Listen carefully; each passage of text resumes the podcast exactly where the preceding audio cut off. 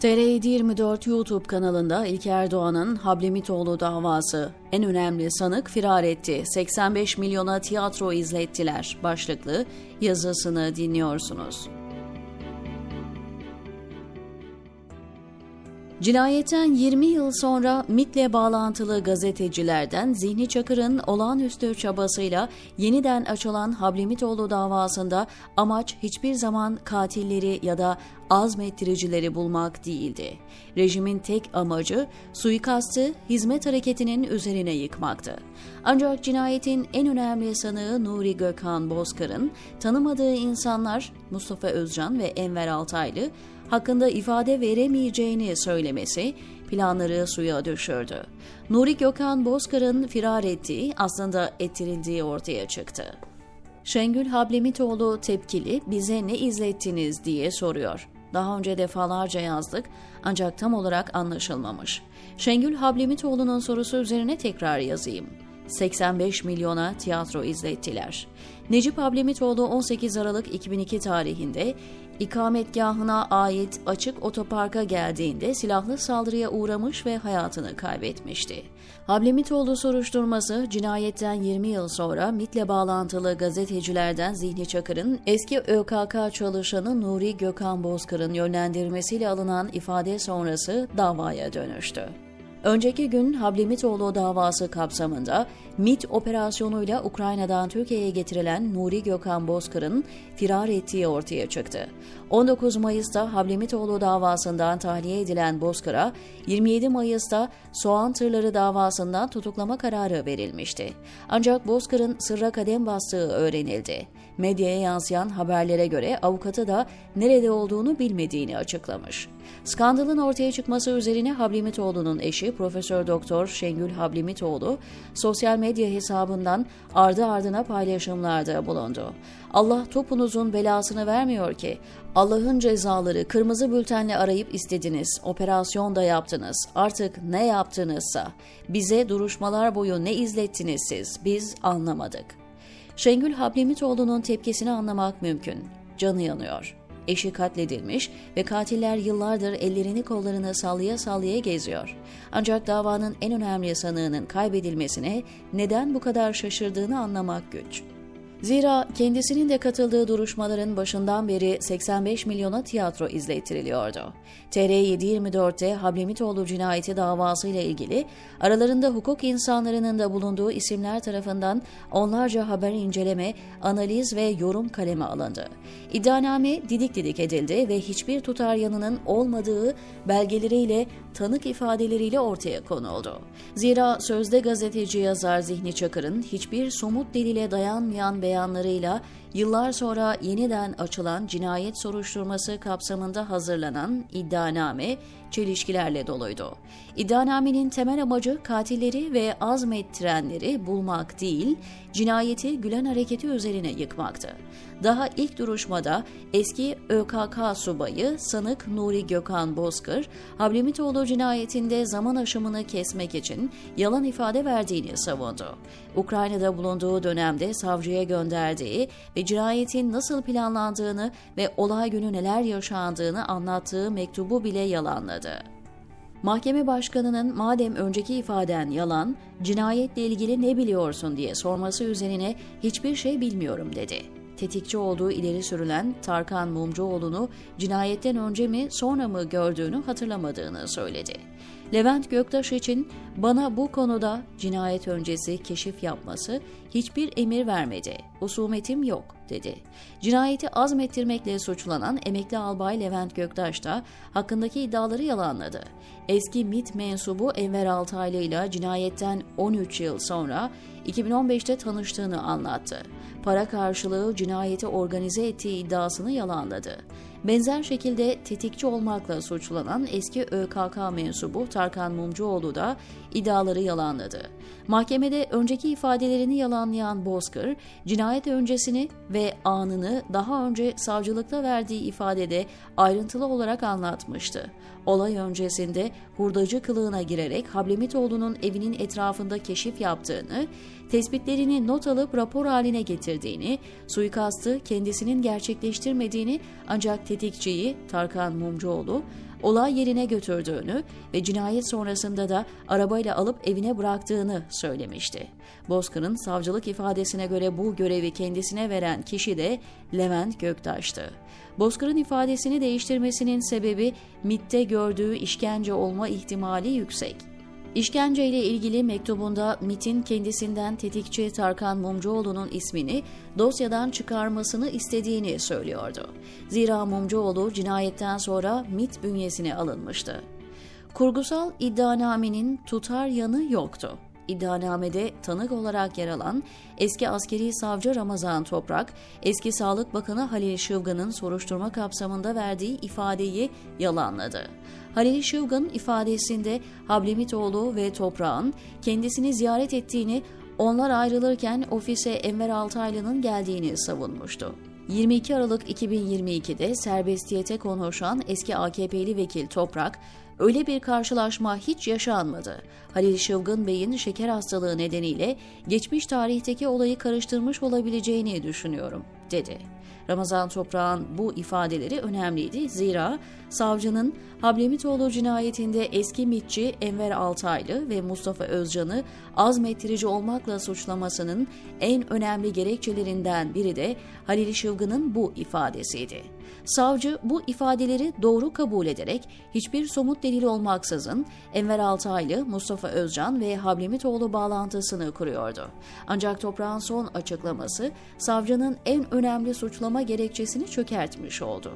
Cumhuriyet Savcı Zafer Ergün, Ankara 28. Ağır Ceza Mahkemesi'nde görülen davanın 8. duruşmasında çok önemli bir itirafta bulundu. Davanın neredeyse tek delili olarak gösterilen HTS kayıtlarının sağlıklı olmadığını söyledi.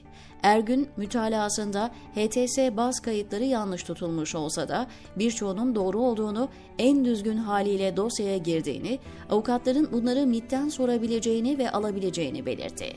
Ceza muhakemesinde yer alan şüpheden sanık yararlanır ilkesine göre şüphe sanık lehine yorumlanır. Savcının HTS baz kayıtları yanlış tutulmuş olması da ifadesi bir şüphe olduğunun ispatıdır. Dolayısıyla HTS kayıtlarının şüpheli delil olduğu bizzat iddianame ve duruşma savcısı olan Zafer Ergün tarafından resmen itiraf edilmiştir. Şüpheli delil üzerine ise hüküm kurulamaz. Bu arada hatırlatmakta fayda var. HTS kayıtları 20 yıl öncesine ait. İlgili yönetmeliğe göre HTS kayıtlarının bir yıl içinde silinmesi gerekiyordu. Silinmemiş. Aslında HTS kayıtları bu iddianamede hiç olmamalıydı. Nuri Gökhan Bozkır davanın ilerleyen bölümlerinde Mustafa Özcan ve Enver Altaylı'yı tanımadığını da itiraf etti. Onun ifadelerine göre bu isimleri dosyaya eklemesini Zihni Çakır istemişti. Amaçları Özcan ve Altaylı üzerinden cinayeti cemaatin üzerine yıkmaktı ancak Bozkır bunu kabul etmediğini söyledi. Bozkır'ın istedikleri gibi ifade vermemesi savcı Ergün ve MIT'in üzerinde aylarca çalıştığı planında suya düşmesi anlamına geliyordu. Hiçbir somut delil olmadığı halde Mustafa Özcan ve Enver Altaylı ismini dosyaya dahil ettirmek için çalışan kişi de Zihni Çakır'dı. Nuri Gökhan Bozkır bu isimleri Ukrayna'dayken savcıya gönderdiği dilekçede yazmadığı gibi Türkiye'ye getirildikten sonraki sorgusunda da söylememişti. Bunun sebebini ise şöyle açıklamıştı. Enver Altaylı ve Mustafa Özcan ilişkisini dilekçemde mutlaka belirtmemi istedi. Zaten açık kaynaklarda bu bilgiler mevcut dedi. Tanımıyorum, bilmiyorum efendim ben onları. O ilişkileri nasıl çıkardılar bilmiyorum, anlamıyorum. Hablemitoğlu cinayeti davasında tanık olarak dinlenen Zihni Çakır birbiriyle çelişen ifadeleriyle dikkat çekmişti. Zihni Çakır ve Nuri Gökhan Bozkır duruşmada sürekli birbirini suçladı.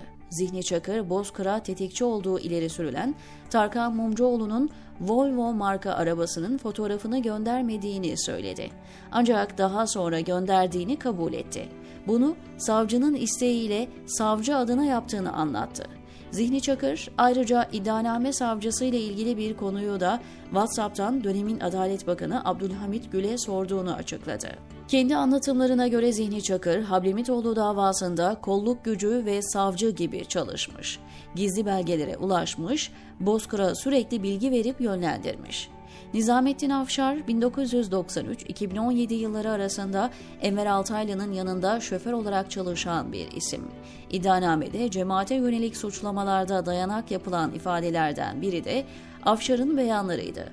Şubat 2022 tarihli emniyet ve savcılık ifadelerinde Enver Altaylı'nın Mustafa Özcan ve Aydın Köstem'le yüz yüze görüşmesinden ve Ali Serhat Ilıcak'la telefon görüşmesinden bahsediyor.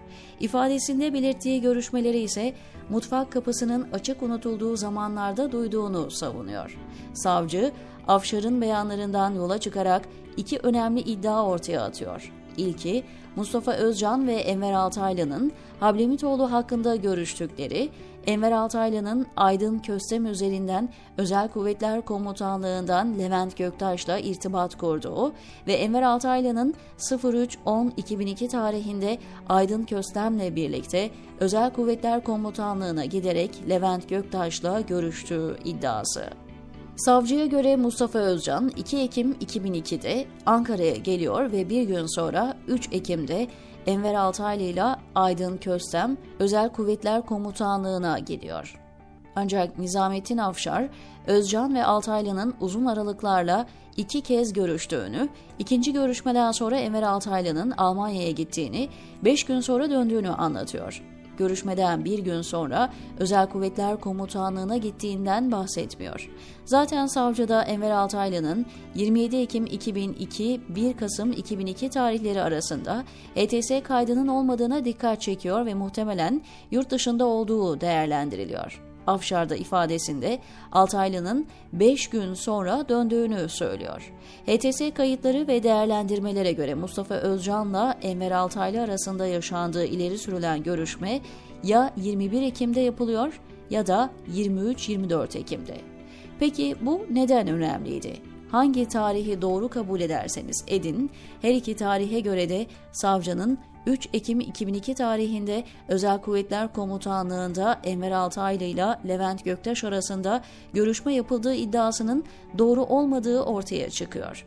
Zira bu takvime göre 3 Ekim 2002 tarihi itibarıyla Mustafa Özcan'la Enver Altaylı arasında henüz iddiaya konu içerikte bir görüşme bile yapılmamış.